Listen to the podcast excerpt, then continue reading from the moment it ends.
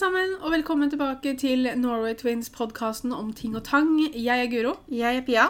og i dag så skal vi ta for oss hverdagsplanlegging og sparing. Jeg og Pia har lagd et par videoer på det her faktisk på kanalen vår. Vi er ingen eksperter. Vi har ikke noen form for utdannelse inni det her. Det, er, det her er bare vårs som deler vår erfaring og tips til dere. Som vanlig så har vi fått en del spørsmål gjennom Instagram. Følg oss på Instagram på Norway Twins blogg med 1G. Jeg tror også det står i infoen hvis du leser om podkasten. Jeg og Guro begynte vel egentlig ikke med dette med planlegging og, og sånne ting før ja, ikke for så veldig lenge siden. Sånn, med tanke på at vi har levd i 34 år, så er det Ja. ikke mange år vi har holdt på med dette planleggingsgrei- planleggingsgreiene. Nei. Jeg husker det at det med matplan begynte jeg med sammen med eksen min. Det var vel kanskje mer han enn meg, men jeg lærte litt grann om dette med organisering og sånn fra han, fordi at han passa på at vi alltid hadde veldig god oversikt f.eks. over hva vi hadde i fryseren. Han var litt sånn mer datageni enn det jeg er, så han lagde jo et sånt Excel-ark til oss. Der hadde vi da oversikt over alt vi hadde i fryseren, og datoen det gikk ut. Men så fikk han også til det at siden vi hadde lagt inn datoen, så når ting begynte å nærme seg at det gikk ut på dato, så ble det rødt. Ja, ja, ja. Og vi hadde oversikt over hvor mange vi hadde av hver ting, sånn at vi kunne bare gå inn og så forandre på det. Sånn at hvis vi tok opp en pose med kjøttdeig, da, så kunne vi forandre på at vi hadde da en mindre. Jeg har sånn hjemme nå, bare at jeg skriver på ark. da. Jeg, Ja. jeg bruker ikke data til noe sånt. Nei, og Det er kanskje også- dumt, men uh, Jeg også har det på ark, men det er mest fordi at igjen, jeg hadde ikke visst helt åssen Altså, jeg kan bruke et Excel-ark, det er ikke det, liksom. Nei. Men for meg så har det alltid bare vært enklere å ha det på ark, for da har jeg det sammen med alt det andre som Ja, og jeg er heller ikke sånn Jeg skriver aldri opp datoen og sånn. Men jeg skriver opp hvor mange av hver ting jeg har, eller hva det er jeg har. Men jeg skriver da liksom i hvilken skuff. Ja. Sånn at jeg slipper å gå gjennom hele fryseren for å finne en ting. liksom Jeg vet hvilken skuff det ligger i. Nå skal det sies at jeg og Peter er litt, blitt litt sløve på det, så vi glemmer liksom å gå i boka og stryke det ut etter hvert som vi tar opp. Noe som da gjør at vi innimellom tror at vi har ting vi ikke har, fordi vi har glemt å stryke det ut i boka. Jeg syns det er lettere å ha sånne ting på ark. Jeg har, altså jeg har det er jo ikke løse ark. Jeg har det jo i en Ja, ja. kalender, altså en bok på samme sted som alt det andre som jeg bruker for å planlegge og sånn. Ja. Men du får jo tak i veldig mye bra på nettet også, eller som du kan ha på dataen din. Til og med med matplaner så kan du jo ha det på dataen hvis ikke man har lyst til å ha det i papirutgave. Jeg vet ikke om jeg har lyst til å kalle meg gammeldags, da. Men jeg bare syn- det er noe med det å ha det på papir. Det å ha noe å bla i, det å ha liksom det å skulle skrive ned ting, det å lage lister i en bok istedenfor på PC-en. Altså jeg, det kan bare være at jeg ikke har funnet den riktige appen som liksom har virkelig tatt meg med storm, at liksom dette er den beste greia å gjøre det på. Ja, for det fins nok masse forskjellige apper til det også. Ja, og jeg har prøvd ganske mange. Jeg ser jo masse på sånne mammavlogger og sånn fra USA, og sånn, og de snakker hele tiden om hvilke apper de bruker som de kan dele da med hele familien. og sånn, ikke sant? For eksempel, det er apper som du kan skrive handleliste på, men som alle får opp på telefonen sin. sånn at hvis Petter hadde da gått i butikken da, og kjøpt to av de tinga på lista, så kunne han huka ut dem på lista, og så hadde de kommet opp som huka opp på min liste også. Sånn at jeg ikke drar i butikken og kjøper det samme som han. Men jeg har ikke funnet noen som liksom virkelig overbeviser meg om å gå digitalt da, istedenfor å bruke papir. Som sagt, så jeg, jeg har jo én Eller vi har to, da, for vi har den permen som vi har budsjettet vårt og sånn i. Mm. og der har jeg matplanene og hva jeg har i fryseren. Ja, det er det jeg skriver matplanene. matplanen. Eh, og så har vi da planleggeren vår, vi, der vi skriver alt vi skal gjøre i løpet av en dag. Ja. Lister Altså, jeg er en veldig listeperson. Jeg, men jeg elsker den der greia med det at hvis jeg skal rydde hjemme, eksempel, så kan det hende jeg skriver en liste for det òg. For det er et eller annet med det å huke av ting som gjort. Og at du liksom ser at det minsker på lista di og hva du skal gjøre. og sånn. Det er et eller annet med det som bare sånn Det motiverer meg veldig, da. Fordi Ja. at jeg ser på en måte at ting blir gjort, da. Vi er jo også avhengig av å ha en liste, en oversikt over videoer som må filmes, podkaster som spilles inn. Vi planlegger jo ikke bare dagen vår, men vi må ha, det er det å ha oversikt over uka di. Sånn at i hodet mitt så ser jeg for meg at det hadde blitt mye mer kaos hvis ikke jeg skulle hatt en plan som jeg har satt opp i helga over uka etter, sånn at jeg vet at vet du, innen onsdag så må jeg faktisk ha gjort sånn og sånn, ellers så rekker jeg det ikke. Ja. Og hvis man ikke har lyst til å bruke en papirplanlegger eller en, papir, eller en skrivebok til det, så kan man jo bruke bare notatene på, på, på telefonen sin, for den saks skyld. Hvis det er noe man er vant til å bruke. Ja. For jeg tror det går litt på det også, for jeg er ikke vant til å bruke telefonen min på, til sånne type ting. Nei. Der har jeg alltid vært sånn at jeg skriver liste. Og sånn har det med lister, sånn har jeg alltid vært. Til og med når jeg gikk på skolen på videregående. Tror det het, gikk helt tilbake til, eh, til ungdomsskolen. Så hadde vi jo alltid disse skoledagbøkene eller en planlegger av en eller annen slag fordi jeg måtte skrive ned hvilken dag skulle jeg gjøre hva lekser. Ja. Var det andre ting, sånn som når vi spilte innebandy, så måtte man ha det skrevet ned. Det med å planlegge dagen i uka mi har jeg gjort veldig lenge. Jeg tenker jo bare det at eh, når man eventuelt kommer dit at man får barn også, og særlig når de blir såpass store at det er liksom kanskje fotballtrening der og en håndballtrening der Og da er jo sånne familiekalendere veldig Ja. kjekke, sånn at du har en kolonne til hvert Ja. familiemedlem, sånn at du kan liksom OK, greit, Carl har den og den tingen i dag. Carl, han, han er opptatt. Carl har alltid det travelt. Ja, men det er altså Jeg og Peter har, jeg gir jo kalender, sånn veggkalender til Petter hvert år. Med sånn bilder og sånn for hver måned. Og der har det hendt noen måneder hvis Petter har møter og sånn på jobben, for eksempel, så har det hendt at vi har skrevet opp det i den kalenderen på veggen. Greit for deg å vite. Hvis det gjør at Petter kommer seint hjem, da, Ja. så er jo det greit for deg å vite med tanke på middagsplanlegging og sånne Ja, ting. En annen ting vi skriver opp der, er hvilke dager de henter søpla. Hvilke dager de henter pappen. Hvilke dager de henter plastikken. For det som er at vi har alltid for eksempel, eh, Søppel det går vi ut med med en gang, ikke sant? Men, og den henter de hver tirsdag. Den er for så vidt grei. Men sånn som pappen da blir henta én onsdag i måneden. Og da er det veldig greit for oss å vite hvilken onsdag det er, sånn at vi vet at alt papp og papir er ute når de kommer og henter den. Sånn at vi liksom har i hvert fall fylt den opp med det vi har, istedenfor at vi da plutselig har masse inne som vi må ta ut samme dagen de har vært og tømt den, fordi at, og så skal det ligge der en måned, liksom. Jeg føler at det kanskje er litt lettere å få oversikt over når man bor sånn som deg. Ja. Jeg som bor i et borettslag, og her er søppeldunkene ganske store, men sånn som pappen og plasten blir jo stadig vekk eh, fylt opp. ja. Men det kan jo da være fordi det bare tømmes én gang i måneden. da. Jeg trodde det tømtes oftere. Nei, jeg- også trodde det, og så, særlig sånn rundt juletider og i desember og sånn, så var jo pappdunken vår full hele tida.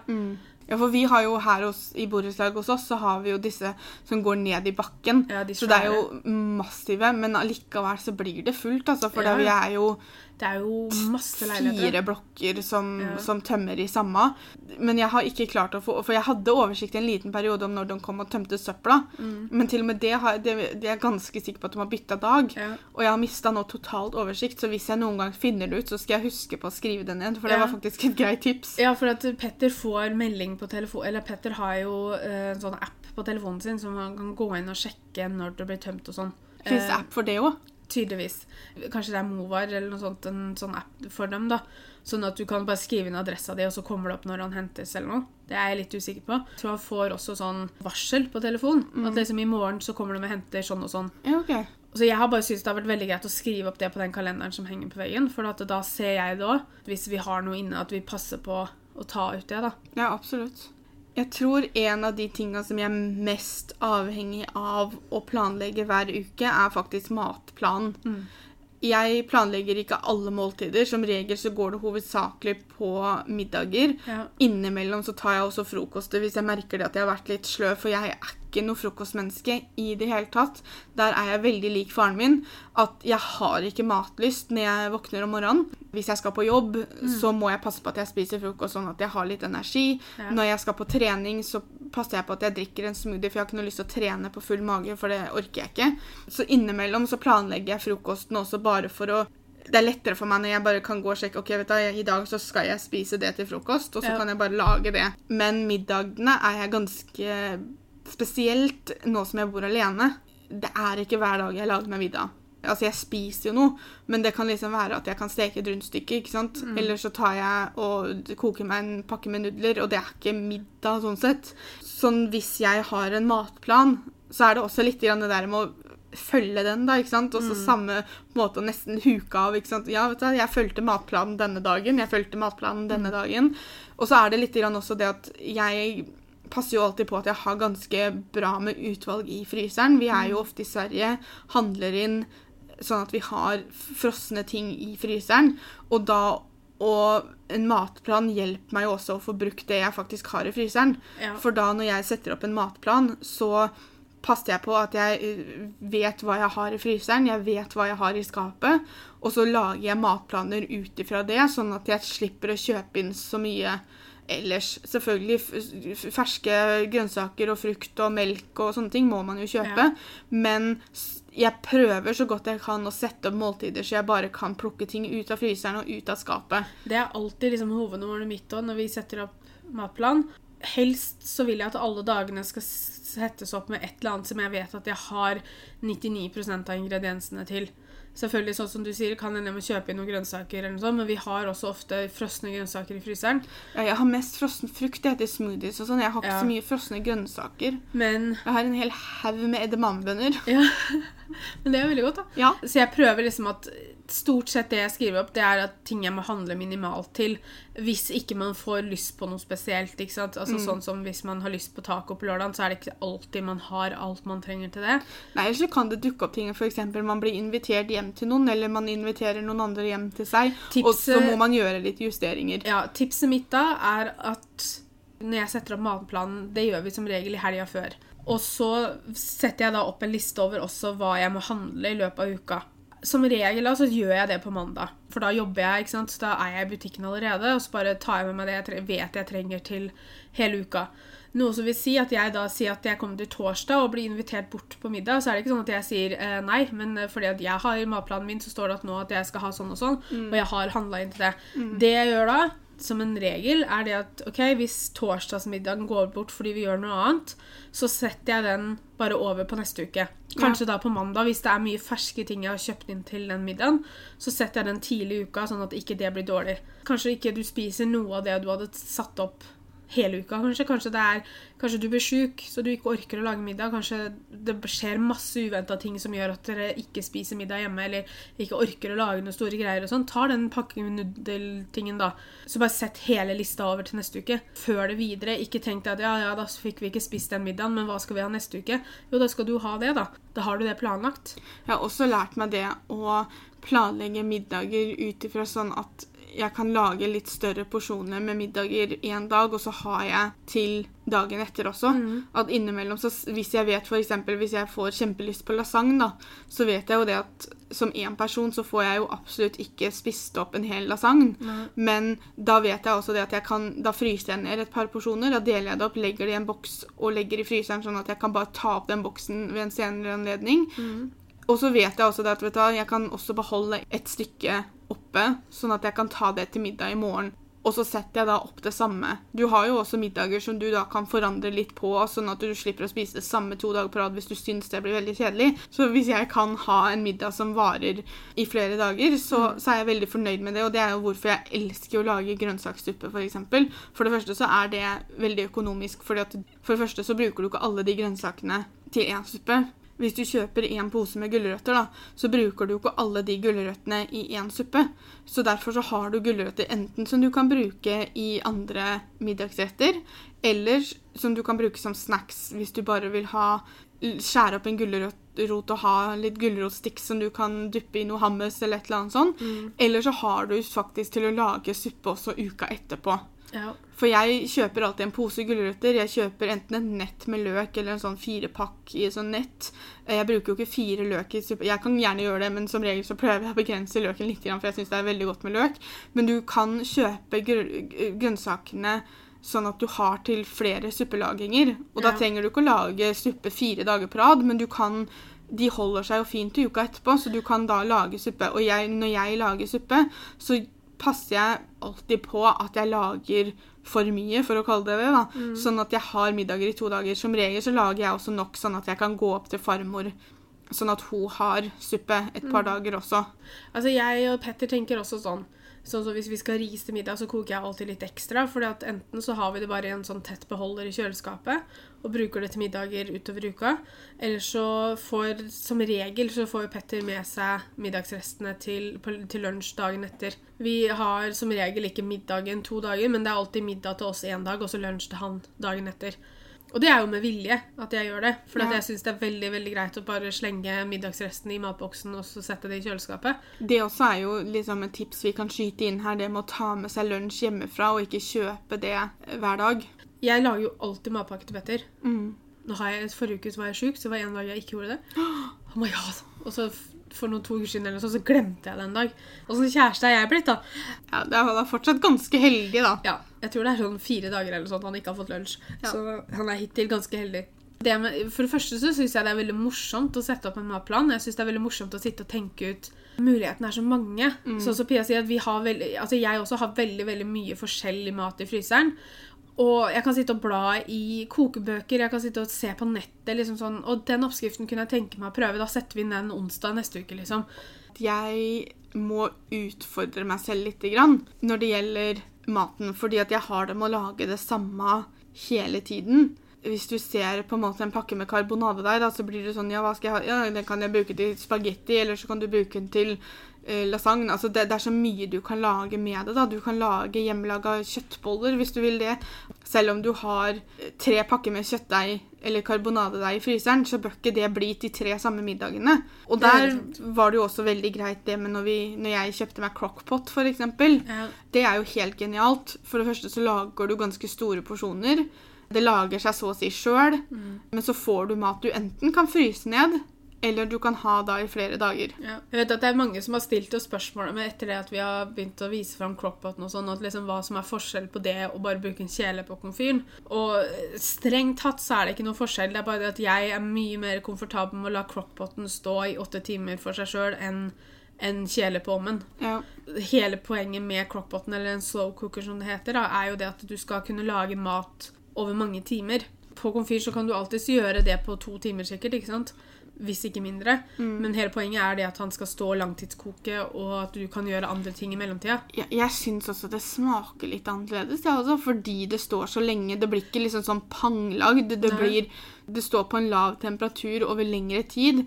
Og da Kjøtt, blant annet, smaker mye bedre, syns jeg, da. Ja, og så tenker jeg det at Kylling spesielt syns jeg blir ikke så tørt. men så tenker jeg også at selv om jeg og Pia snakker om crockpot, så betyr ikke det at hele verden må gå ut og kjøpe seg en crockpot hvis ikke du vil ha lyst på det. Så, så la være. Mm. Men du jeg kan og- bruke kjele. Ja, men jeg og Pia har funnet noe som vi syns fungerer, da. En annen ting med matplan er jo det at da kommer vi jo litt tilbake igjen på det med å ha oversikt over hva man har. Det er jo veldig viktig. Og hvis ikke du har lyst til å skrive ned alt du har i fryseren Hvis du skal da si på søndag ettermiddag sette deg ned for å lage en matplan, så, må gå og titt, Ja. se hva du har i fryseren, se hva du har i skapet. Selvfølgelig er det noe du har skikkelig lyst på, så skriv det opp selv om du ikke har, har det i fryseren. Men jeg prøver å holde meg så mye som mulig til, til det, og så er det utfordringen da å huske å ta det opp om morgenen. tenker nå at nå har vi satt opp matplan og sånn, og vi har satt opp da en handleliste over hva vi må ha. Det også for meg er veldig viktig når det gjelder det med matplan og planlegging og det med å spare penger og sånn, er det å ha en handleliste. Jeg høres kanskje rar ut. Jeg syns det er veldig morsomt å handle. Gå i matbutikker, jeg storkoser meg. Det å finne tilbud som ikke du forventer, det å, å se på tilbuda de har annonsert, det å liksom eh, finne ut OK, jeg kan kjøpe den, men den her er tre kroner billigere, så da, jeg, da går jeg for den isteden. Altså, sånn, jeg syns det er kjempemorsomt. Er det en rar hobby? Kanskje. Men sånn har det blitt. Hver mandag så får de fleste av oss får jo da en haug med reklame i posten. Og hvis ikke du har reklame, og hvis ikke du vil ha reklame på grunn av, for å spare miljø og sånne ting, så har jo de fleste butikkene apper nå som Ja. legger ut kundeavisa. Det er det jeg har. Ja, Eller så kan du bruke appen som heter Mattilbud. Hvor du får en liste over alle butikkene, som du kan gå inn på hver enkelt butikk og se, har. se tilbuda. Men det er som Pia sier, altså, Meny har egen eh, app. eh, Kiwi har egen app. Rema har app. Joker har vel app. Ja, altså De fleste butikkene har, er, har blitt appifisert. Fordi det, er, det blir bare mer om flere og flere som skriver eller får på dette klistremerket at de ikke ønsker reklame. Mm, akkurat det er like greit å ha på telefon. Ja, når vi bodde sammen, så hver mandag når vi fikk reklamene, så bladde vi gjennom alle sammen. Og de tilbudene som var interessante for oss, rev vi ut av reklamen. Og hadde da en liten sånn stabel med ting. For det er også et av de største tipsa jeg kan gi når det gjelder det med å spare penger på mat og sånn, er det å ikke være redd for å handle flere steder. Ja, det blir litt kjøring, eller sykling, eller gåing, eller bussing, eller hva man bruker som framkomstmidler. Nå er det jo ikke så veldig stor avstand mellom butikkene lenger. Altså, Nei. jeg kan jo stå hjemme hos meg og kaste en stein og treffe Coop Extra, Kiwi og Rema. Kanskje man venter til mandag da med å sette opp matplanen. Kanskje mandagen blir kanskje en sånn eh, restedag etter helga, f.eks. På mandagen så tar man noen man vet man har alt til, ikke sant.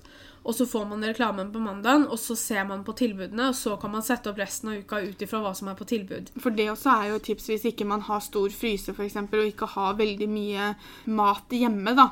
Er det jo veldig lurt å sette opp matplan ut ifra hva som er på tilbud den uka. Har Rema tilbud på pølser, så sett opp noe med pølser. Er du da singel og kjøper en pakke med pølser, så har du enten nok til å legge i fryseren hvis du har litt plass, eller du har nok til å fordele de pølsene utover flere dager. Og da kan du lage forskjellige ting. Si at du har pølse i lompe da, den ene dagen.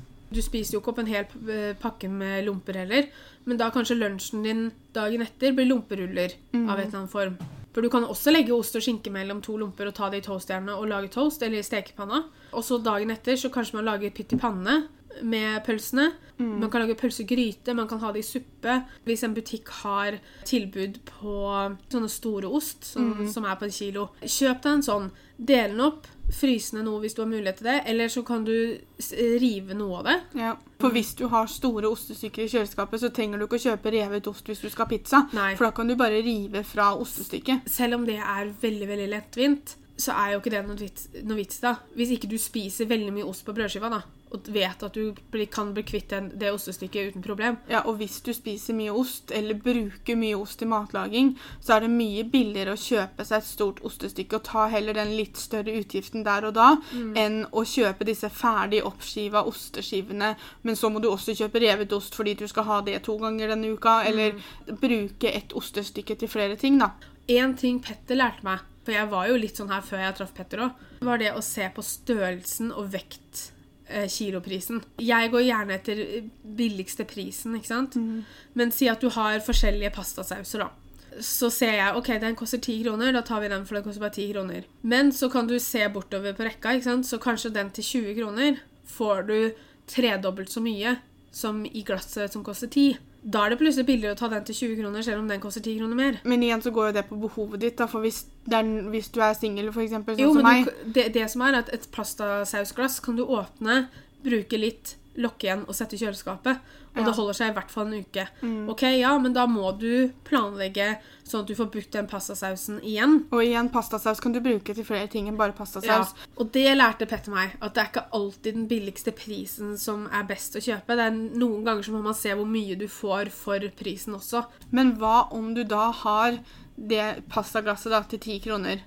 Hvis du kjøper to av det, Ja, så det blir 20 kroner, Ja. men du da får mer enn Da får du mer mengder enn den til 20. Da Ja. burde du kjøpe to av den til 10, da. Ja, det, men det til 20 sa jeg at var tredobbelt så stort, så da får Ja. du fortsatt mer enn det til 20. Men ok, si at det er et pastaglass som koster 10, og så er det et pastaglass som koster 20, som er dobbelt så stort. Da hadde jeg tatt to av det til ti, fordi at da hadde jeg ikke åpna det andre. Da hadde jeg brukt ett glass til middagen nå, og så hadde jeg hatt ett Jeg hadde fortsatt kjøpt to, men da hadde jeg hatt et glass som ikke hadde trengt å åpne, som da hadde holdt seg mye, mye lenger.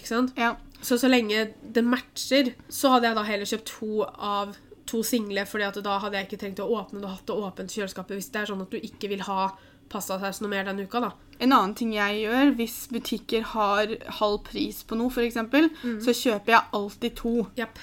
Hvis det har vært noe som jeg har hatt planer om å kjøpe allikevel, så tenker ikke jeg oh, nå sparte jeg penger for jeg, den kosta halv pris. Da kjøper jeg heller bare to, og så har jeg en ekstra liggende til et annet måltid. Si at det er en soyasaus, da, Ja, som er altså, på halv pris, ja. så kjøper jeg bare én, fordi det er en sånn ting som tar lang tid å men er det noe som man forbruker mye, Ja. så er det like greit å bare kjøpe to når man først får det til halv pris, for Sånn da får du to jeg. for én. Så for eksempel hvis vi har planlagt å ha taco en helg, da, Mm. og så kommer jeg på jobben, og så er det halv pris på tacoting, så kjøper jeg to av alt som jeg trenger, fordi at da har jeg til taco en annen gang også. Er man i den situasjonen at man handler ting på halv pris fordi at det er det man har råd til, så bør man jo ikke gjøre det. Nei, nå er det vel ikke veldig ofte du finner ting på halv pris i butikkene i Norge, sånn unntatt tacoting og sånn. Men det er, vi gjør det ofte når vi er i Sverige, for i Sverige kan de Ja. ofte ha sånn Ellers er det sånn tre for to-tilbud og sånne ting. Ja. Og det også er veldig greit å benytte seg av. Noen butikker har sånn tilbud på ting som du tenker at ja, men jeg trenger jo ikke tre av det her. Men så blir man sånn ja, men oh, jeg skal jo ha én. Og da hadde det gjort noe å kjøpe to, men da får jeg også tre. ikke sant? Altså, du, blir, du blir litt lurt også. Du blir litt lurt å bruke mer penger. Ja. Vi er veldig heldige som, som bor nærme nok til at vi kan ta turen over til Sverige og handle. Spesielt det vi skal ha i fryseren, er billigere Ja, ja, i. Sverige enn i Norge. Og de er også flinkere med dette halv pris og tre for to og alt det tilbudet der. Det er mye som også nå er like billig i Norge. Ja, ja, ja. En annen ting jeg, som så å si er det første jeg gjør når jeg kommer inn i enhver butikk, er å gå rett bort til deg jeg vet at de har nedsatt mat som er nedsatt i pris pga. at det snart går ut på dato. Det sjekker jeg hver gang. For det første så er jeg veldig fokusert på det å redusere matsvinn. Ikke bare hjemme hos meg, men også å hjelpe butikkene med det, da. Også det å kjøpe mat på nedsatt pris. Det er svært lite mat som blir dårlig så fort det har gått ut på dato. Jeg syns det er genialt at butikken har begynt å gjøre det. Ja, men man skal bruke sansene sine på sånn som meieriprodukter, f.eks. Sånn som sjømat. Ja, der må man være mer forsiktig, men lukt på det. Smak litt. Grann. Jeg sier ikke at du skal spise et helt måltid, men lukt. Se på det. Ser det helt greit ut, lukter helt greit ut, smaker helt greit, så er det ikke noe farlig å spise det selv om det har gått ut på dato. Kjøper man ting som nesten har gått ut på dato i butikken, putter det i fryseren, så er det jo enda bedre. Da holder det jo mange, mange måneder. Og kjøtt og sånn blir egentlig bare mørere jo lenger det får ligge. Ja, og finner du noe i den halvprisdunken da, som går ut på dato snart, eller som du tenker liksom, vet du, det her hadde vært godt, så bytt det ut da med en av dagene. Gjør sånn som Guro nevnte i stad. Du flytter da si onsdag over til neste uke, fordi at på onsdag så fant du noe greier i butikken som du faktisk har veldig lyst på. Jeg og Petter har ofte gjort det fordi at jeg har funnet disse Salma lakseburgerne på nedsatt pris på jobben. Da har jeg kjøpt det, for det, det syns jeg er så godt. Ja. Og de tar liksom to minutter på hver side å steke, eller noe sånt, og så legger jeg det oppå et halvt rundstykke, og så har vi masse salat og sånn på. Og det er så godt. Og da har vi gjerne bomba noe annet, ikke sant? for at jeg har funnet det og bare åh, nå fikk jeg lyst på det. Jeg har nesten blitt litt sånn avhengig av matplan, men det betyr ikke at jeg er så streng med meg selv at det kan aldri forandres. Nei. Fordi at ting kan skje, eller du kan finne noe i butikken som du får lyst på. Mens du er på jobb en dag, da, så blir du sånn, vet du i dag har jeg skikkelig lyst på grilla kylling til middag. Så tar du grilla kylling til middag, men da må du bare flytte noe av matplanen. Så lenge man ikke har da kjøpt noe som på en måte kan bli dårlig, Ja. som gjør at du må kaste mat, så er ikke det farlig å gjøre. Tikronerssalg. Genialt. Og da kjøper jeg alltid, alltid leverpostei. Ja, leverpostei. Wok-sauser er gjerne på tikronerssalg. Mm. Ha- Har du en wok-saus, en gulrot, en løk, litt kjøtt eller kylling, og enten ris eller nudler, så har du liksom en wok på to sekunder. Så tikronersmarked. Der også innimellom er det mye rart. Det er måte på mange kjøkkenkluter du trenger og sånne ting. ikke sant? Spar pleier å ha ganske bra tikronersmarked. Ja. Vi også har veldig bra tikronersmarked, syns jeg. Fordi det er så mye forskjellig. Også sånn som gelé da, for eksempel, er ofte på tikronersmarked når vi har det. Og da er sånn, jeg bare Yes. Fordi at jeg baker ostekake. Ja, og hvis du har barn, da, og du vet at de har bursdager Mhm. som kommer i løpet av de neste månedene, eller altså, gelé holder seg jo veldig bra, det blir jo ikke akkurat dårlig det, så kjøp det når det er på tikronersmarked, så har du bare til du skal ha bursdagen. Og så har du jo det med First Price. Er det ekstra det heter på Coop-en? Ja, jeg tror det. Rema 1000 har noe av Rema 1000-merket, men de har også det Nordfjord-greiene, eller hva det heter for noe. Ja, det også er vel litt- billigere. Ja. Det er ikke noe gærent med First Price. Nei. Det er ikke noe gærent med Ekstra. det er ikke noe gærent med Rema 1000-merket. Som regel, så vidt jeg har forstått, og så vidt jeg har lest bakpå, sånn, så produseres det av det samme, de samme som produserer det andre. Det er bare det at eksempel First Price pinnekjøttet det har kanskje litt mindre kjøtt på seg. ikke sant? Altså, det er litt sånne ting. Det eneste jeg har smakt av First Price som jeg ikke liker, er wienerpølsene. Ja, For det var noen sånn klumpegreier i. Ja, Eller det- ikke klumper, men det var noe sånn derre Vi fikk tak i noen sånne harde ting som vi tygde på innimellom. Det er nok til at jeg og Pia gir opp. Og vi har faktisk blitt spurt om vi kunne ha en sånn Skal vi kalle det challenge? Eller hva jeg skal Altså at vi kunne hatt en uke da hvor vi bare eh, spiste First Price-produkter, f.eks. Og det er jo det som er så bra med disse First Price-greiene. De har jo De har brød. De har rundstykker. Du har vel grønnsaker òg? Ja, du har paprika Sopp. eh, sopp, eh, gulrøtter, Eller så har du jo også frosne grønnsaker i First Price, som Ja. du kunne da heller brukt det. Det hadde vært veldig morsomt å gjøre en gang. Men det kunne vi jo faktisk gjort, da. Ja, og at vi da liksom viser fram matinnkjøpet og viser liksom de forskjellige måltidene vi lager og sånn. Det var en liten periode jeg og Pia bodde hver for oss. Jeg spiste da veldig ofte sånn First Price kjøttpølser. Ja, Fordi for det første de er kjempegode, pluss at du fikk ganske mange i pakka, sånn at jeg hadde til flere dager og sånn. Ja for de, de er De gode. er kjempegode. De er ikke, de er ikke som wienerpølsene. Nei, så det er liksom... Eller fiskegratengen også er veldig Fiske, god. å, herregud, fiskegrateng. Nam. First Price fiskegrateng er det beste så å si i verden. Petter er jo litt sånn Vi skal ikke kjøpe den fra Findus da, som koster liksom firedobbel av prisen. Sånn jeg bare First Price! den koster liksom 13 kroner. Jeg bare Jeg vil ha den. Vi har jo, bor jo i Moss, og i Vestby så ligger det en butikk som heter Holdbart. Som også har, er en nettbutikk. Og det er en butikk som bare selger varer ikke som har gått ut på dato, men som har no, mye av det har kort holdbarhet. da.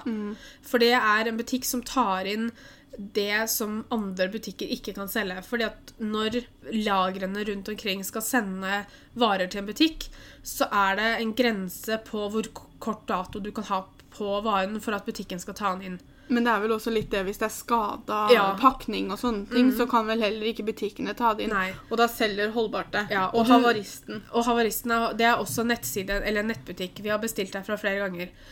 Og der får du veldig mye bra mat til billig pris. Eh, og det er helt fin mat. Igjen, mat kan spises lenge etter at det har gått ut på dato. Så lenge du bruker sansene dine, så er det ikke noe problem. Tørrmat i hvert fall. Og det som er så genialt, er jo det at hvis ikke du bor i nærheten av det, så kan du faktisk bestille på nettet, og så får du det hjem i posten. Så det er også tips. Sjekk ut de nettsidene bare for å se om du finner noe Og de har ikke bare mat, de har også Nei. bøker og såper og sånne ting. Så hvis det er f.eks. en bursdagsgave, hvis du skal ha en bursdagsgave til et barn som liker å lese, så er det veldig mye billige bøker der. Og så er jeg også en sånn person da, som jeg tenker at sånt som spagetti eksempel, får du jo ofte også kjøpt i ganske store pakker. Så hvis det er ting du vet holder seg godt, eller ting du vet du bruker ofte, kjøp heller disse store pakkene. For ja, de er dyrere, men du får jo mye mer oppi dem. Og de holder lenger. Jeg og Petter kjøper jo bare sånn fem kilos pose med ris, eksempel. Vi har en sånn boks i skapet som vi fyller opp, som vi bruker fra, og så har vi, passer vi på at den risposen da står tett og mørkt, holdt jeg på å si, sånn at den, ikke, at, ikke, at den holder seg. Men det er veldig, veldig kjekt, for da kjøper vi en sånn, og den holder liksom kjempe, kjempelenge. Når vi fortsatt er inne på mat og sånn. Du har disse bonuskorta. Du har Trumf-kort, og du har Coop-kort. Du har Æ-appen til Rema. Og det er nødvendigvis ikke noe du sparer veldig mye penger på der og da, men du sparer jo opp penger allikevel. Æ kan du spare ganske mye på hvis du Ja. kjøper frukt og grønnsaker. Ja, den er jo kjempekjekk. Pluss at du har den topp ti-lista di, så hvis du liksom kjøper noe på den, så får du vel også noen rabatter på det. Er det noen tilbud som bare er for EM-medlemmer også? Ja. Det er, Og det er det vel på Coop òg? Ja, sånn som På Coop så har du noen sånn medlemstilbud som du må ha Coop-kortet for å få. Sånn som Når du bruker trumfkortet, da, så er det jo en viss prosent av kjøpsummen som da settes over til penger på trumfkontoen din, som du kan få ut enten overføre til bankkontoen din, eller du kan få trekke det fra ved neste handel i butikk. Så det er ikke nødvendigvis noe du merker der og da mens du handler, men du kan merke det seinere. Nå er jeg litt usikker på om Trumf automatisk sender ut den verdisjekken hvis det er sånn at du sparer for lenge. For jeg pleier som regel å ta det ut når jeg har kommet opp i sånn 200 eller noe sånt, så overfører jeg det til kontoen min bare. Og handler du mye på Trumf-butikkene, da, som er liksom Norgesgruppen-butikkene, sånn som Kiwi, Spar, Joker og Meny, så, så kan det jo fort liksom spare seg opp. Og det er jo noen ganger på torsdager som de har trippel trumf. Ja. Når vi først snakker om litt tips og råd til både matsvinn og, og pengesparing, så har du jo en app som vi har blitt tipsa om flere steder. Jeg hørte om den først fordi at eh, eksen min sendte meg en melding og sa at denne her bør du eh, sjekke ut. Så jeg bare ja, OK, greit, da skal jeg gjøre det. Og det er appen Too Good To Go, som er en app der du kan kjøpe matvarer eller matprodukter fra sånn som f.eks. bakerier og restauranter og sånn, som er mat som de ikke har fått solgt, og som istedenfor å kaste det, så selger de det til billigere penge. Eksempel når jeg sitter og ser på appen nå, så har du bakerier. Da har du Råde bakeri, som har pakker. Og da legger de det ut på appen, sånn at du har en oversikt over hva de forskjellige stedene har å tilby. Det er ikke alltid de har noe å tilby, men som regel så finner du i hvert fall noe. Det er innimellom som du finner kanskje mest på kvelden eller på tidlig på morgenen. Men Ja. det er også løpet av dagen, sånn som nå er klokka eh, to. Og det er ganske mye som ligger ute på appen her nå. Jeg tror også det går veldig fort, så man må være litt kjapt ute, Ja. tror jeg. Hvis man har lyst til å bruke den, så bør man sjekke det ganske ofte. Mm. Men du har f.eks. på 7-Eleven Son har du noen pakker her. Nå får jeg opp litt sånn Jeg får fra Tønsberg og sånn òg, men, det- men det tror jeg bare er fordi at eh, posisjonen er litt Ja, spredt de, her. men jeg tror også de sjekker innenfor en viss radius. ikke sant? Så, Ja. Og for når vi bor rett ved uh, overgangen til Horten, så tar det, blir liksom litt av Vestfold tatt med. Jeg er inne og sjekker den uh, stadig vekk, og det er jo en helt genial måte å få litt billigere mat på. vet at i Oslo så er de veld, der kan du få veldig mye bra. Her i Moss så tror jeg det går mest på sånn bakevarer og sånn. Ja, I Moss så tror jeg det er mest uh, bakerier og bensinstasjoner som Ja. bruker det. Og da er det mest sånn bakevarer, kanskje noe brød og sånn, Mm. som blir lagt ut. Mens i Oslo så har jeg liksom sett at man kan få billige salater og wrapper og Det kommer selvfølgelig litt an på hvor du bor hen. Det kommer Ja. an på hvor mange bedrifter som faktisk er med på dette, som har meldt seg inn her. Og så er det da også ofte at de har flere pakker. Så det er ikke bare én pakke, men de har flere. Så du, du kan finne veldig, veldig mye godt på den appen. Vi vil jo også snakke om sparing i den podkasten her. Og igjen, Pia og jeg er ingen eksperter. Vi bare kan gi tips ut fra våre erfaringer sjøl og sånn. Men de fleste spørsmåla vi fikk fra Instagram denne gangen, handla om sparing. Så derfor så tar vi spørsmåla nå, sånn at vi kan snakke om sparing gjennom dem. For dere hadde veldig mye fine spørsmål. Det her blir jo da et spørsmål til Pia. For det er sparetips som singel. Det kommer veldig an på situasjonen din. Realiteten er det at det kan være vanskelig å spare penger når du er singel, fordi du står alene om utgiftene dine. Jeg får ikke spart penger hver måned. Jeg har aldri spart bare for å spare. Hver gang jeg har spart penger, så har det vært for at jeg har spart til noe spesielt. Sånn som nå, så sparer jeg til utdrikningslaget til Guro. Jeg sparer til bryllupsgave til Guro og Petter. Altså, jeg har konkrete ting jeg må spare til, så jeg prioriterer å spare til det fordi at jeg er alene. Det eneste egentlig jeg kan si som sparetips til singel, er det å bruke de andre tipsa vi har kommet med nå, bl.a. med tanke på matplaner og sånne ting. For jeg sparer mye penger på å tenke litt lurere når jeg setter opp middagsplanene mine. Så sparer, har jeg da litt ekstra å kunne spare derfra. Og det er jo bare det at du, altså du vet jo på en måte hva som kommer inn hver måned av penger, og så setter man opp et budsjett over hva du vet at går ut. Det som eventuelt er igjen, må du jo ta da en vurdering på hva du har lyst til å bruke til. Prioritere hva som går foran det andre, holdt jeg på å si. Hvordan deler man på utgiftene når man bor sammen? Det kommer også veldig an på hvilken situasjon man er i. Sånn som når jeg og Guro bodde sammen. Vi var ikke så veldig nøye på det. det jeg betalte den gangen, Guro betalte den gangen. Vi delte husleia og sånne ting, men vi, det var aldri liksom sånn Ja, nå har du betalt 400 kroner der, så da må jeg betale 400 altså, Det var veldig vi, løst. ja, vi hadde liksom ikke noen regler på det sånn sett, holdt jeg på å si. da. Men Altså- når du bor sammen med f.eks. en kjæreste, sånn som når jeg bodde sammen med eksen min, så delte man jo de felles utgiftene. Delte man 50-50. Mm. Og så sto man jo fritt til å gjøre hva man ville med resterende Altså, han hadde sine penger, jeg hadde mine penger. Ja. Vi hadde ikke en felles økonomi sånn sett. Nei, og det er det jo mange som velger å ha. Det er veldig mange som velger å ha en felles økonomi. Mm. Eh, som setter alt av penger inn på én konto, og så bare bruker man av den. Det kommer jo også an på hver enkelt person. ikke sant? Altså Noen tjener bedre enn andre. Det er så vanskelig å si er, Jeg og Pia har ikke noe fasitsvar på det.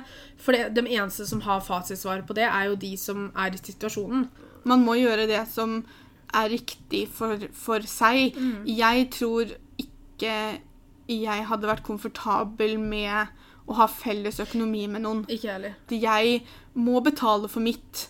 Men det er bare det at jeg føler at jeg bidrar lite. Mm. Så derfor så hadde, hadde jeg følt liksom sånn oh, Men brukte jeg noe av dine penger, eller er det mine Altså, Det hadde blitt helt feil for meg. så da, da, Jeg ble helt svett bare av å tenke på det. Ja, det be jeg, for meg så jeg synes det er bedre å ha hver sin konto der man får pengene hvert til sitt. Jeg sier ikke at man ikke skal på en måte være snille mot hverandre og liksom nei, nei. i dag betaler jeg. Det er ikke det jeg mener. Men det, det å bruke av samme konto, det Ja. tror jeg ikke jeg kommer til å være komfortabel med noen gang. Eventuelt når man får barn Nei, jeg tror ikke jeg tror ikke jeg er komfortabel med det da heller. Det, men det må man finne ut av selv, tenker jeg. Ja. Det, det kan ikke jeg og Pia sitte her og si hva man skal gjøre. Jeg og Petter vi har starta med det som jeg kaller et konvoluttsystem. Igjen, jeg ser på mammavloggere fra USA, og det var noen av dem som hadde sånn konvoluttsystem, så jeg bare ja, det skal vi ha. Det er visse kategorier da, som vi har satt opp, som vi deler 50-50 hver måned. Nå har vi ikke vært så veldig flinke på det i det siste. Så nå til høsten så må det virkelig innføres igjen. Men vi har f.eks. et Sverige-budsjett eh, hvor vi har 2000 kroner. Som vi da en gang i måneden drar til Sverige og får fylt opp fryseren og de tinga vi kjøper i Sverige. Er det vel 1000 kroner som vi har til sånn som grønnsaker og melk og sånne ting som man må kjøpe underveis. da. Og det er 1000 kroner i måneden, så det er altså 250 kroner i uka som du har til liksom å, å fylle opp kjøleskapet med ferske ting og sånn. Ja, sånn som pålegg og Ja. grønnsaker og frukt og Ja. Så har vi 200 kroner husholdning, tror jeg vi kaller det. Og så har vi også 1000 kroner til moro, som er litt mer sånn date night, og hvis vi har lyst til å gå på kino en helg, eller vi har lyst til å gå ut og spise, eller noe sånt noe. Ja, og det er jo noe jeg har lært av dere. Mm. Jeg har ikke så veldig mye penger i den date night-konflikten. Har du ikke? Nei. Du kan jo dra på date med deg selv, Pia. Ja da. Det blir så Nå- koselig. Du kan si 'nå skal jeg kose meg'. I- Om man har de konvolutter eller ikke, det, det kan man jo Ja, gjøre som man vil med. Det skal, det skal sies at For vi har hatt det i kontanter i sånne mapper som jeg har hatt i den som jeg skriver matplan og sånn i. Mm. Og nå vet jeg jo det at det blir bare mer og mer vanlig å være kontantfrie butikker.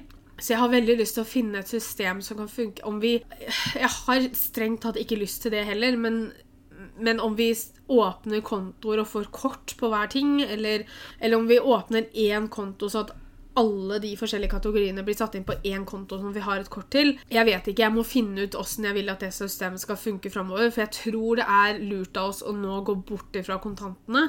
Men det er veldig lurt å ha et visst beløp satt av, for du, da må du planlegge innenfor det. da. Ja. At hvis du vet at ok, greit, jeg har 1000 kroner til moro, da, for Mm. å kalle det det, ikke sant, så kan man ikke gjøre noe som koster 1200 kroner. Selvfølgelig, man kan det hvis Ja, man ja. vil, men altså, hvis, hvis man skal holde seg til budsjettet, da, Ja. så må man planlegge ok, hva kan vi gjøre sammen som er koselig, som er gøy, men som ikke koster så mye penger. Ja. Nesten litt sånn mentale med det at man har satt av et visst beløp, Mm. som gjør at Ok, men da vet jeg i hodet mitt at vet du, nå har jeg faktisk ikke mer enn det. Men igjen så går det litt på hvordan det fungerer for deg, da. Test forskjellige metoder, og finn den måten som passer best for deg, sånn som Guro nå. Konvoluttsystemet funka for dere, men nå siden flere og flere butikker blir eh, kontantfrie, så må du finne en annen måte å gjøre det på. Ja. Men å ha et budsjett, om det er bare at du har skrevet det opp i kalenderen din eller på telefonen din eller hvor det er hen Det finnes sikkert apper for det her òg. Og bare har oversikt over hva budsjettet ditt er. Når vi handla med det konvoluttsystemet og sånn, så var jeg veldig på det at jeg tok vare på kvitteringene. For det første så skulle jeg liksom se hva de pengene hadde gått, blitt brukt på. Pluss at jeg var ikke Jeg vet at det er flere av de i USA som har dette konvoluttsystemet, betaler flere transaksjoner, sant? Altså, transaksjoner, heter det vel. Altså for eksempel hvis du da skal kjøpe tøymykner da, som går under husholdning, så betaler du det for deg sjøl. Ja. Jeg var mer sånn OK, jeg orker ikke å gjøre så mye styr av det, jeg betaler alt sammen. Men så satte jeg da et, opp etterpå, og så trakk jeg ut de som skulle da ut ifra et annet budsjett, og flytta litt på pengene i konvolutten og sånn. Det tok tid. Men, men jeg, for igjen da, så syns jeg det var moro. Og for andre så, så merka vi at det begrensa det oss litt. Så merka vi en forskjell. Altså Det er ikke det at jeg må kutte ut kontantene enda, men jeg må bare finne ut hvilket system jeg vil at vi skal bruke framover, som da kanskje ikke har disse kontantene, da. Sparer dere til noe stort, som hus, hytte, bil, lappen? Ja, jeg sparer til noe ganske stort. Jeg sparer til noe life-changing. Jeg sparer til bryllup. og det, det har jeg gjort en stund, da. Det skal sies at jeg og Petter har vært forlova nå i snart tre år. Og de tre åra gikk veldig fort, da. Jeg fridde jo med datoen. Vi har hele tiden visst hvilken dato vi skal gifte oss. Jeg angrer på at jeg ikke begynte å spare før. Fordi at jeg var av den derre Ja, men det er så lenge til, så det går fint. Jeg bør ikke begynne å spare enda. Og så plutselig så var det ett og et halvt år igjen, og så var det sånn ja, Nå må jeg begynne å spare. For ellers så klarer jeg ikke å spare opp det jeg skal. Og jeg bruker Storebrand-appen Dreams, og den har jeg syntes hadde vært totalt genial. Det er en app, én, Du kan legge inn at du kan trekke et beløp i måneden, et fast beløp i måneden. Det er også noen sånne små Jeg har en sånn eksempel at hver gang det er fullmåne, så trekker de 100 kroner automatisk. Jeg har ikke noe fast månedsbeløp, for jeg bare Når jeg får inn penger på kontoen, så bare setter jeg over det jeg kan til den appen sjøl. Det er også en sånn app som du kan ta ut penger fra underveis. Det blir ikke stående der, altså Du har full styring sjøl. Og det også har vært også veldig fint, fordi at eh, jeg har jo, selv om jeg har spart der, så har det jo blitt utgifter til bryllupet nå underveis. Ja. Når man har handla inn ting. Og da kan man ta pengene ut igjen. Mm. Det tar et par dager, men du, kan, du får dem ut. Og den har jeg syntes hadde vært helt genial å ha. Mamma også har noen sånne greier, for det er jo gjennom DNB-appen. Ja. da. Og så har hun det at hver gang hun drar kortet, så settes 50 kroner over på en sparekonto. Ja. Og der kan du også velge beløpet selv. Hun sparer ved å bruke penger. Ja. Disse bankappene har jo måter å spare på, de òg. De fleste bankene nå har jo en app, og det synes jeg er veldig greit. Du kan lett få oversikt over hva du har på kontoen, du kan se hva det er du har brukt pengene på, du kan overføre mellom egne kontoer. Du kan betale regninger fra telefon. Ja, altså Det er veldig greit å ha den appen også, syns jeg, for da har man litt mer oversikt. Jeg husker før når man måtte ringe kontofon og trykke 1 og 2 og fødselsnummer og det som var. Jeg husker Vi syntes jo det var revolusjonerende når vi kunne bare sende en melding. Ja, eh, og til og med nå er det tungvint, eh, for nå har man app. Målet mitt er jo å spare til lappen etter hvert, Ja. men som jeg har sagt, så det er ikke like lett å spare penger når man er singel. Og når, man, når vi først snakker om det å spare og sånn, så hadde vi også fått et spørsmål om opplevelser, turer og ferier som ikke koster skjorta. Sparer til bolig, men er ung og forelska, er lik krasj. For det første så snakka jo jeg og Pia tok litt opp det med opplevelser og turer og sånn som ikke koster så mye penger, i en tidligere podkast som jeg tror heter Sommerplaner eller noe. eh, Hvor vi snakka om litt ting som ikke koster så mye penger, og ting man kan gjøre hvis ikke man skal reise bort. Så du kan jo sjekke ut den hvis du har lyst. Det går i bunn og grunn på prioriteringer. prioriteringer. Sånn som Guro nå snakka om at hun og Petter sparer til bryllup. De skal gifte seg i oktober. Noe som vil si at nå eh, i sommer så har Guro og Petter måttet sagt til seg selv at vet du, vi kan ikke ta noen utenlandstur i år, fordi vi, de pengene må vi legge i bryllupet. Vi skal det- en tur til pappa i Malmö. Ja, men det er Men jo det er fordi ikke vi bor gratis. Ja, ikke sant? Altså, det er jo Altså, det er jo Når jeg sier utenlandsreise, så tenker jeg mer på liksom sånn Spania, Praha, Ja, altså, London. Vi drar ikke bare til pappa fordi at vi får bo gratis, det er også for å se pappa. Ja. Uh, men, men det var liksom det vi kunne Det høres så fælt ut, men det var liksom det vi tok oss råd til, da. Ja, fordi, Fordi- dere må spare til bryllupet. Ja. Man må prioritere. Man får ikke gjort alt man vil. Nei. Sånn er det bare. Men at man kan si til seg selv OK, greit, vi sparer til bolig. Hvis man føler at man kan det, så går det an å ta fri da, fra boligsparinga i juli hvis man har lyst til å dra på en ferie. Men hvis det å kjøpe seg bolig er, er det viktigste, Ja. så må man bare tenke at du, da må vi holde oss i Norge i år, og så må vi noe, ta noen dagsturer eller gjøre noe som ikke koster så mye penger. Det betyr ikke at du må sitte hjemme hele sommeren. Nei. Hvis boligsparinga er det viktigste, Mm. Så må man jo bare Da må man prioritere vekk det andre. Ja. Det å være ung og forelska er kjempehyggelig, men hvis den boligen betyr så mye for deg, og at du vil helst spare til den Det å være ung og forelska bør ikke bety at man må fly verden rundt, eller Det er så mye mer man kan gjøre, da, uten at Altså, det er like koselig å sitte Ta, seg, ta med seg et teppe og ta en piknik på en strand enn liksom altså, Det er så mye man kan gjøre. Så jeg, jeg anbefaler å høre på sommerpodkasten vi hadde, for der kom vi med en del ting som ikke nødvendigvis kosta veldig mye, da. Kan dere snakke om viktigheten av å ha en bufferkonto? For meg så er bufferkonto og sparekonto to forskjellige ting. Sparekonto, der setter du inn penger fordi du sparer til noe. En bufferkonto for meg er en konto hvor du setter inn si 500 kroner i måneden til sånne overraskende utgifter. F.eks. at hvis bilen skulle ryke, eller hvis du trenger ny vaskemaskin. Eller som Guro, trenger ny PC. Ja, det er en bufferkonto for meg. Så en konto som hvor du alltid har penger, som ikke blir tatt av hvis ikke det kommer, dukker opp sånne overraskende ting. Noen syns det er superviktig å ha. Andre tenker ikke så mye på en sånn konto. Noen tar det jo fra sparekontoen sin, Ja. for jeg har en sparekonto, men jeg har ikke en stor nok inntekt til å ha en bufferkonto i tillegg. Nei. Jeg får ikke spart to steder, fordi jeg bor i en leilighet som pappa eier, men det er jeg som betaler husleia. Pga. leiligheten er i pappa sitt navn, så er det pappa som betaler husleia. Så jeg betaler jo pappa, og så betaler pappa boligbyggelaget. Det jeg gjør som på en måte har blitt min bufferkonto, er at sånn som når jeg Hvis jeg har litt ekstra penger en måned, de månedene når du får sånn som skattepengene eller feriepenger, så gir jeg pappa litt ekstra penger, sånn at jeg har det stående der. Sånn at hvis det dukker opp en måned som jeg tenker åh, vet du nå skulle jeg helst hatt 1000 eller 2000 kroner til noe annet, for det har dukka opp et eller annet, så har jeg penger stående hos pappa, som jeg kan si, vet du denne måneden så betaler jeg deg 2000 kroner mindre, og så tar du bare av de pengene jeg har stående hos deg. Så det har blitt min bufferkonto. Pappa har jo en konto som er min, da, Ja. jeg, som, som jeg setter husleia inn på. Ja. Og hvorfor vi har gjort det sånn, er bare fordi at boligbyggelaget sender jo ikke ut regninger. Nei. De sender det jo inn på nettbanken til Mm. eieren av leiligheten, så det er derfor pappa får de regningene. Og det er derfor vi bare har gjort det på den måten. Så jeg har liksom en bufferkonto hos pappa, da. Ja. Hvordan redusere forbruket av ting i gåseøyne som ikke er bra for økonomi og miljø. Det spørsmålet fikk vi i flere varianter, og det tror jeg er bare rett og slett fordi jeg får rett som det er kommentarer om hvor mye ting vi har. Og ja, jeg og Pia er glad i det som svigermor ville kalt nips. Det ordet hadde jeg aldri hørt før du ble sammen med Petter. Nei, ikke jeg heller. Jeg, men det er flere som har brukt det. Så jeg, det, det er tydeligvis sånn Men nips, det har jeg aldri hørt før. Men øh, jeg og Pia er glad i nips. Vi er nipsere. Vi kalte det stæsj. Ja. Så vi, er vi riktig folk til å spørre om det her? Kanskje ikke.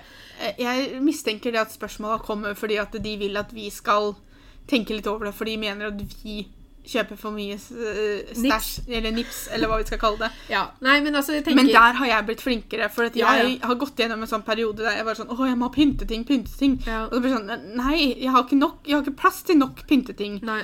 Der jeg er verst nå, er kjøkkenting. Ja.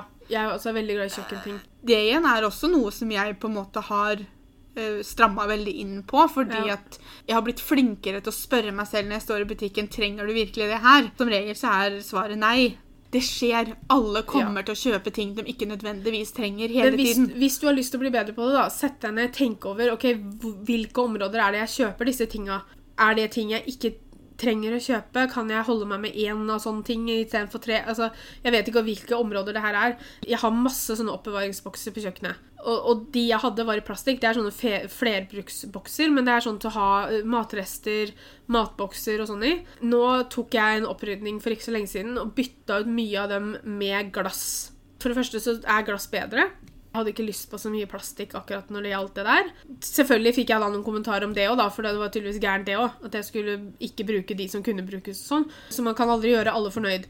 Men jeg har nå valgt å gå over til glass når det gjelder oppbevaring av mat. Sånn, fordi det er veldig kjekt, fordi at jeg kan ta de glassbollene som jeg nå har lokk til, kan jeg ta i ommen. Jeg kan ha dem i mikroen, de kan stå i kjøleskapet, jeg kan sende dem med Petter til matpakke. Altså det er veldig mange områder som jeg kan bruke dem på, da. Det du ikke bruker, det selger man jo. Jeg har jo nå nettopp vært gjennom en runde, for jeg så Pengesnakk på Instagram snakka om det at hun skulle i løpet av 2019 selge 100 ting som ikke hun brukte, eller som ikke hun trengte. Og det driver jeg og gjør det samme. Jeg syns det var helt genialt, så jeg har funnet frem så jeg driver nå og selger ting. Jeg har selvfølgelig ikke fått solgt 100 ting ennå, for det tar jo litt tid. Ja. Men jeg kaster ikke ting hvis ikke det er ødelagt.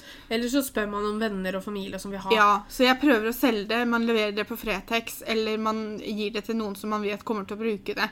Og Fretex er jo veldig greit, for vi fikk også spørsmål om tips til å handle klær, sminke, hudpleie og toalettsaker rimelig. Og klær Fretex.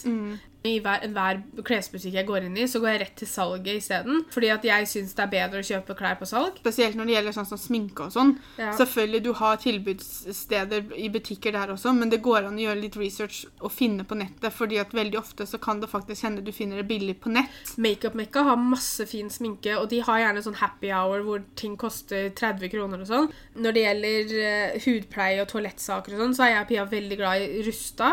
Loco, normal, Selger mye bra. Ellers så når vi er i Sverige, hvis vi er i nærheten av en dollar store, så kjører vi gjerne innom der. Der kan du få mye bra for pengene. Spesielt sånn som på Loco og Normal, så får du ting ganske billig i forhold til hva det egentlig eh, koster.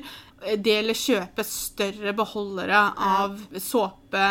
Hvis det er ti kroner for en håndsåpe, så kjøp inn to-tre stykker, og så har du Altså, nå er vi heldige, for vi har steder i leiligheten vår, og Guro de har steder hjemme hos seg der de kan oppbevare sånne ting. Det er ikke Ja. alle som har muligheten til å oppbevare, så du må kjøpe det når du trenger det. Men hvis man har muligheten til å oppbevare litt ekstra, så kan man gjøre det. Ja. Og så slipper man å bruke penger på det hver måned. Hvordan hindre at mange småting eller små utlegg blir til store utgifter samlet? Det kan jo bety mye forskjellig, men f.eks. det som vi har snakka om ganske mye nå, da, med matplanlegginga. Handl én dag i uka Ja. istedenfor å dra innom butikken hver dag. Fordi at som regel når du drar i butikken, så får du med deg litt mer enn det du egentlig trenger. Og da å ha én hovedhandledag i uka, f.eks. mandag Selvfølgelig trenger du mer grønnsaker eller melk, så dra innom butikken i løpet av uka. Men ikke tenk det at ja, men jeg handler inn til middagen på mandag, det gjør jeg etter jobb på mandag. Og så til middagen på tirsdag, så drar jeg innom butikken igjen. Og ikke ha noe sulten. Nei. Fordi at sånne småhandlinger kan fort bli en større sum enn hvis du bare går i butikken én dag og kjøper det du vet du trenger fordi du har satt opp en matplan eller en handleliste. Nå vet vi ikke helt hvilke områder denne personen tenkte på når de spurte spørsmålet, men det var sånn vi tolka det, i hvert fall. F.eks. med dopapir på europris, Ja. så selger de som regel store pakker, og det har, de ofte salg på. Mm. Og det er bedre enn å kjøpe disse åttepakkene. Må du ut med litt mer penger der og da, men du har mye mer dorull enn du får i de åtte pakkene. Helt til sist så fikk vi et spørsmål om vi hadde noen eBay-tips til å organisere hjemmet billig. Jeg og Pia brukte nok mer sånn eBay-ting tidligere. Nå tror jeg det eneste stedet jeg bruker eBay-ting til å organisere nå, er noe med sminka. Men der også bruker jeg mest Ikea. Blant annet sånne bestikkinnlegg, eller hva det heter for noe. Sånne bestikksorteringsting som du kan putte nedi skuffer og sånn. Sånn at du kan skille kniver og gafler og sånn. Det er veldig kjekt å sortere sminke i òg. Eller andre små ting som man har i skuffer. Ellers så har Claes Olsson veldig mye bra Ja. organiseringsbeholdere. Gisk har mye. Så jeg, jeg bruker ikke eBay så veldig mye til det lenger. Vi brukte det mye før, men nå har vi solgt ting videre. Eller eBay-ting er ikke den beste kvaliteten, så det er mye som har gått i stykker også. Ikea har veldig mye fint sånn til sortering på badet også, og sminke og, og sånne ting. Ja, for der jeg er mest organisert, det er på kjøkkenet Ja. og på badet. For der er det veldig greit å ha ting på faste plasser og sånn, for Ja. da finner man det når man leter etter det. Hvis du skal organisere hjemme, jeg vil anbefale ting med lokk. For da kan du stable ting oppå hverandre. Inni, sko inni skapet og sånn. Ofte så kan det hende du har produkter å bruke hjemme også. Du må Ja. bare tenke litt utafor boksen. holdt jeg på å si. At Selv om du F.eks. oss da, som får glossyboksene. Mm. ikke sant? Vi tar vare på Glossy-boksene, og så kan du bruke det til å oppbevare andre ting. Ja, Særlig de goodieboksene nå, for det kommer med en sånn skuff. Det er liksom ikke et lokk på, men det er en sånn skuff som du drar ut. Og jeg bare «Hæ? Så Det kommer til å bli eh, fint å organisere ting i. Si en sånn eh, spagettiholder da, på Ja. kjøkkenet. Du må ikke ha spagetti i den. Vi har uh, muffinsformer igjen. For det første så ser vi hva vi har, men det var mye bedre å ha dem bare i et sånt rør enn å ha liksom masse forskjellig liggende overalt. Du kan ha, kanskje ha telys oppi sånne eh, krukker hvis ikke du vil ha dem liggende i posen. Mm. Stearinlys. Man må ikke nødvendigvis kjøpe inn for å organisere. Nei. Man kan bruke ting man allerede har. Ja, og så lag deg et system som fungerer for deg. Mm. For det er liksom, her heller er det ikke noe fasitsvar på hva som fungerer for alle. Nei, for alle sine hjem er annerledes. Ja. Man kan få tips fra andre, men det viktigste er å finne en måte som fungerer best for deg selv på. Det er en Instagram-profil som heter Rydd hjemme, eller Rydd i hjemmet, eller noe sånt. De, må, de legger ut masse fine bilder om hvordan man kan organisere og sånn. Mm. Veldig fint å, å, å følge. Vi legger ut et bilde på Instagram som følger med podkastepisoden, så hvis dere har noen sparetips eller organiseringstips eller planleggingstips, så er det bare å komme med dem i kommentarene under bildet. Tusen takk for at dere har tilbrakt litt tid sammen med oss i dag. Vi håper vi hadde noen nyttige tips til dere. Si gjerne ifra også hvis det her er noe dere kunne tenke dere om det er noe av det vi har snakka om i dag som dere kunne tenke dere å høre mer om. Og så håper jeg at dere får en fortsatt fin dag, og så snakkes vi. Ha det! Ha det!